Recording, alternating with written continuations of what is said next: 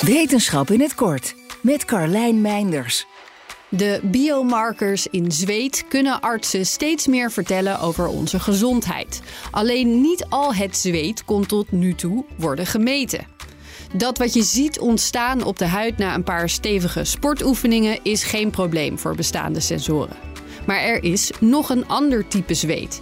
De variant die als waterdamp de huid verlaat. Hiervan verlaat een veel kleinere hoeveelheid het lichaam, ook als je niet aan het sporten bent. Deze vorm van zweet geeft volgens onderzoekers belangrijke kennis over de conditie van de huid en onderliggende processen in het lichaam.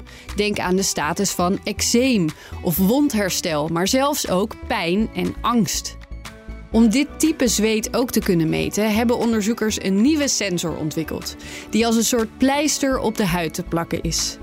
De sensor bestaat uit een superabsorberende hydrogel op een poreus materiaal dat tussen twee laagjes waterafstotende stof gesandwiched wordt. Zo kan zweetdamp makkelijk de sensor bereiken, maar wordt deze niet beïnvloed door zweetdruppels.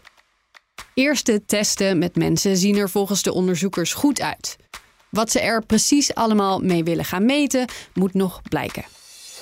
Wil je elke dag een wetenschapsnieuwtje? Abonneer je dan op Wetenschap vandaag. De Cryptocast is vijf jaar oud. We weten dus, het gaat soms fout. Dat is hier steeds weer voorgekoud. Maar wie zijn crypto altijd houdt, als was het elektronisch goud, dan daar zijn strategie op bouwt. Te lang dit. Luister gewoon naar de Cryptocast. Elke dinsdag crypto nieuws op BNR.